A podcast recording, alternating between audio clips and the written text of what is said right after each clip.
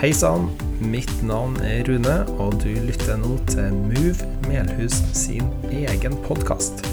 Besøk oss gjerne på movemelhus.no for mer informasjon, eller søk oss opp på Facebook. Vel bekomme. Ja, takk for eh, denne invitasjonen til å eh, dele Guds ord med dere og til å feire nattvær sammen med dere her i dag. Jeg tenkte å begynne med et spørsmål som vi kan tenke over. Hva er det ytterste målet for ditt og mitt liv? Apostelen Paulus sier noe om dette i sitt første brev til Timoteus. Og han er i djup samklang med det som Jesus har sagt før han. Og så får vi prøve oss sjøl og åpne våre liv for Gud, slik at han kan se om vi er på feil vei, og lede oss på den rette veien. I kapittel 1 i 1. Timotius brev skriver Paulus at målet for det han skriver, det er den kjærligheten som kommer fra et rent hjerte, et godt samvitt og ei ærlig tru.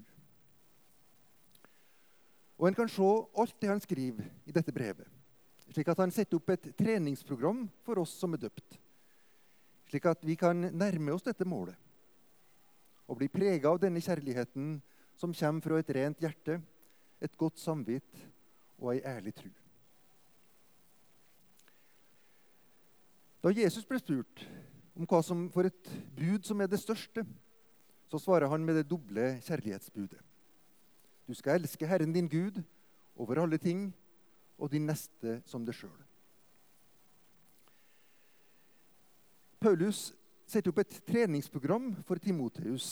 Eller rettere sagt Egentlig setter ikke Paulus opp et treningsprogram, men han oppfordrer Timoteus til å finne seg et treningsprogram når han sier 'øv deg i Guds frykt' og vær et forbilde for dem som tror i ord og gjerning, i kjærlighet, truskap og renhet. Og Når Paulus sier at kroppslig øving er nyttig til noe, men gudsfrykta er nyttig til alt. Da tar han et oppgjør med dem som vil foreskrive andre en fast og entydig tolkning av hva kristen askese eller trening skal være. Paulus skriver om vranglærere som forbyr folk å gifte seg, og som krever at en skal holde seg borte fra visse slag mat. Paulus sier at alt det som Gud har skapt, er godt. Og ingenting skal bli forkasta når det blir mottatt med takk. Både Jesus og Paulus advarer mot overdrivelser og skryt når det gjelder faste og askese. Men både Jesus og Paulus viser oss at det kan være godt for et menneske og til tider gi avkall på noen av Guds gode gaver for å søke andre og større gaver. I Korinterbrevet så tar Paulus idrettsmannen til et forbilde. Han som gjennomfører et hardt treningsprogram for å vinne en laurbærkrans som visner. Det er det som ligger i dette at Paulus sier at kroppslig øving er nyttig til noe, men gudsfrykt er nyttig til alt. Og Jesus sier, 'Når du faster, skal du ikke gå med dyster mine.' Men salve det og vaske det, så ingen skal se at du faster. Ingen andre enn far din som ser til hjertet. Og far skal lønne det. Hva slags lønn er det så vi kan vente fra vår himmelske Far om vi søker Han i bønn og faste? Jo, det er jo åndens frukter den hellige ånds frukt, som er kjærlighet, glede og fred, overbærenhet, vennlighet og godhet, tålmodighet, trofasthet og selvbeherskelse.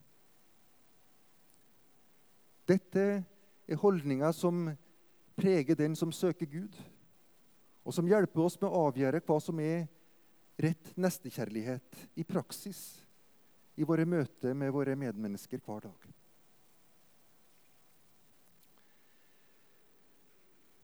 Nå er vi, som dere kanskje vet, inne i fastetida, som vi som luthersk kirke har beholdt. Sjøl om vi har noen felles regler for hvordan vi skal faste. Hver enkelt må finne sin måte å faste på. Og som Martin Lønneboe sier det så klokt i boka 'Veven', den store treningsboken for sjelen, der sier han det er bedre å velge en lett askese, som du faktisk gjennomfører, enn en ambisiøs som du gir opp. Denne boka kan varmt anbefales om du vil ha hjelp til å sette opp ditt eget treningsprogram. Eller du kan satse på den enkle, lille boka som heter For Kristuskransen. Øvelser i livsmot, livslyst, selvbesinnelse og å leve nær Gud. Du ser kanskje at jeg har tatt med meg min Kristuskrans, som for meg og for mange andre har vært en hjelp til å leve i bønn. I denne store treningsboka for sjelen så sier Martin Lønneboe For det er jo slik at eh, bøker det hjelper jo ikke om de ikke hjelper oss til å endre praksis. Kokebøker har ikke metta en eneste mage hvis de ikke blir tatt i bruk. Martin Lønneboe sier det slik Hvis du vil bli en som ber, be. Hvis du vil bli fylt av kjærlighet, elsk. Hvis du har dårlig kondisjon, trim. Hvis du er sulten, nøy deg ikke med kokeboka. Hvis du kjenner deg fremmed i kirken, gå i kirken. Sitt der i kirkebenken og be for alt og alle. Hvis du lider av hat, tilgi. Hvis du har hjertefeil, la deg undersøke. Hvis du er bitter, gråt og tilgi. Hvis du er gjerrig, gi bort mer. Om du er hovmodig, ydmyk deg selv. Hvis du er skitten, vask deg. Hvis du har vanskelig for å elske Kristus, begynn med å elske blomster og din neste. Hvis du er stresset, spenn av. Hvis du vil tro, begynn med å tro på det lille du kan. Målet for vår fastetid må være å øve oss i kjærlighet til Gud og til vår neste. En kjærlighet av et rent hjerte, et godt samvitt og ei oppriktig tru. Fastetid kan gi mulighet til å kutte ut noe som du egentlig vil slutte med, eller å ta en pause. Enten du kutter ut tobakk, alkohol, godteri eller shopping i fastetida, så er det bra for helsa, det er bra for miljøet og for pengeboka. Og om du gir bort noe av de pengene du sparer, til et formål som du brenner for, så har ditt fasteforsett vært med å redde liv og endre liv. Bra for det og bra for verden. Å kutte ned på tida du bruker foran dataskjermer eller TV-skjermer, kan gi mer tid og ro til bønn. Eller tid til å besøke noen på et sykehjem. Å ete mindre kjøtt er godt både for jordas klima og for kroppen. For det er jo slik i dag at vi hører lite konkret om faste fra prekestolene, men desto mer fra helsespaltene i ukebladet. Både den såkalte 5-2-dietten og det å leve vegetarisk eller vegansk er jo alt sammen eksempel på klassiske kristne fastepraksiser. Som sikkert kan være bra for kroppen. I et overflodssamfunn så er det jo gjerne det at vi har vanskelig for å sette grenser, som er problemet. Men fasta kan hjelpe oss til det, om det gjøres med vett og forstand. For det er jo slik at kroppen den er jo både vår nærmeste neste og et tempel for Den hellige ånd. Så det å ta vare på kroppen hører absolutt med til nestekjærligheten. Men om det blir med det, så blir det for snevert. Det må kombineres med å øve seg i det å elske Gud over alle ting og alle dine medmennesker som deg sjøl. Og la dette prege dine prioriteringer og din bruk av tid. Da blir de rett faste etter Jesu forbilde. Da øver du deg i den kjærligheten som kommer av et rent hjerte, et godt samvitt og ei oppriktig tru. Det er særlig ett område av nestekjærligheten Paulus er opptatt av i kapittel 2 i 1. Timoteus brev. Det er den kristnes liv i samfunnet. I kapittel 2 så skriver han slik.: Framfor alt legger dere på hjertet og bærer fram bønn og påkalling og forbønn og takk for alle mennesker. Be for konger og alle som er i leiende stillinger, så vi kan leve et stilt og fredelig liv med gudsfrykt og vørna i alt det vi gjør. Dette er godt, og noe Gud, vår frelser, gleder seg over. Han som vil at alle mennesker skal bli frelste og lære sanninga å kjenne. For Gud er én, og én mellommann er det mellom Gud og menneske, mennesket Jesus Kristus. Han som ga seg sjøl som et løyspenge for alle. Vi skal be og takke for alle mennesker. Ikke bare for dem som er våre venner. Nei, for alle mennesker. Vonde og gode, og dem midt imellom. For bønn det er en måte å øve seg i å slippe Guds kjærlighet til i denne verden. Gud elsker alle mennesker, både de vonde og de gode, og alle oss midt imellom. Gud lar sin sol gå opp over vonde og gode og lar sitt livgivende regn strømme over rettferdige og urettferdige. Og slik som Gud er, vil han at vi som er hans barn, skal være i denne verden. Gud vil at alle mennesker skal bli frelst og lære sanninga å kjenne. Derfor sendte han sønnen sin, Jesus Kristus, for å vise oss hva sann kjærlighet er. Og vi som er døpt til Jesu navn, er også sendt til verden for å leve ut den kjærligheten som vi sjøl har fått del i av Gud.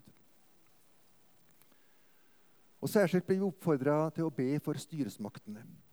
Eller som det heter i brevet, for konger og alle som er i høye eller ansvarsfulle stillinger. I den gamle kirkebønna så heter det at vi ber for vår konge og hans hus, Stortinget, kongens råd og all vår øvrighet. I dagens kompliserte, tekniske og demokratiske samfunn kunne vi ha laga ei lang liste med ordfører, rådmann, teknisk sjef, sykehusdirektør, styrer i helseforetak, bankdirektører og bedriftsledere osv. Til grunn for denne oppfordringa fra Paulus så legger den kristne overbevisninga om at det er en Gud, og at alle disse personene i kraft av sin stilling. Og uansett om de kjenner Gud eller ikke, så utfører de Guds gjerning med å ta vare på den jorda som han har skapt, og det menneskelige samfunnet som han har forordna. Paulus sier at styresmaktene er Guds tjenere for å fremme det gode og hindre det vonde i å bre seg. Derfor skal vi etterleve lovene som er satt. Vi skal betale de skatter og avgifter som er fastsatt. Ikke bare for å slippe straff, men for samvittighetens skyld. Det er et ord av en av mine lærere fra ungdommen som har brent seg inn i meg. Jeg husker vi diskuterte hvor lett det kunne være å jukse på eksamen. Med de hjelpemidler som var lov å ha med, så ville det nesten være umulig for eksamensvaktene å kontrollere at ikke disse hjelpemidlene var manipulert på ulovlig vis. Da husker jeg at den fromme og gode Anders Jørgen Bjørndalen, min lærer i Det gamle testamentet, sa ja, det er mulig å jukse, men da kommer det an på hva slags menneske du vil være. Dette har vært en hjelp og en rettesnor for meg gjennom livet. Det er noe som er viktigere enn å gjøre det godt, og det er å være god. Målet er den kjærligheten som kommer av et rent hjerte, et godt samvitt og ei ærlig tru. Men hva så om styresmaktene blir så korrupt at de ikke lenger hindrer det vonde og fremmer det gode som de skulle? Men tvert om, hva er da et kristent samfunnsansvar? Dette er jo situasjonen for millioner av kristne i mange land i verden i dag. Og det var også situasjonen for kristne i Norge og hele det nazistkontrollerte Europa under siste verdenskrig. Nå var jo for så vidt situasjonen rimelig klar for de fleste kristne i Norge. De hadde en konge og en regjering i London å be for og være lojal mot. Verre var det for de kristne i Tyskland. Her var det dessverre mange kristne som lot seg forføre av nazistene sin propaganda om plikten til lydighet mot styresmaktene. Men det var heldigvis også noen som så klart at her måtte det bibelske prinsippet om at en skal lyde Gud mer enn mennesket, ha forrang. Jesus sier at vi skal gi Gud det som hører Gud til, og keiseren det som hører keiseren til. Men det betyr også at når keiseren, eller der fyrer, gjør krav på det som hører Gud til, nemlig vår djupeste lojalitet, vår tru og vår samvittighet, da må kristne nekte å lyde keiseren. En av dem som så dette klart, det var presten Dietrich Bonhoeffer. Han eh, kunne ha levd et trygt og godt liv, hatt en stor akademisk karriere i USA.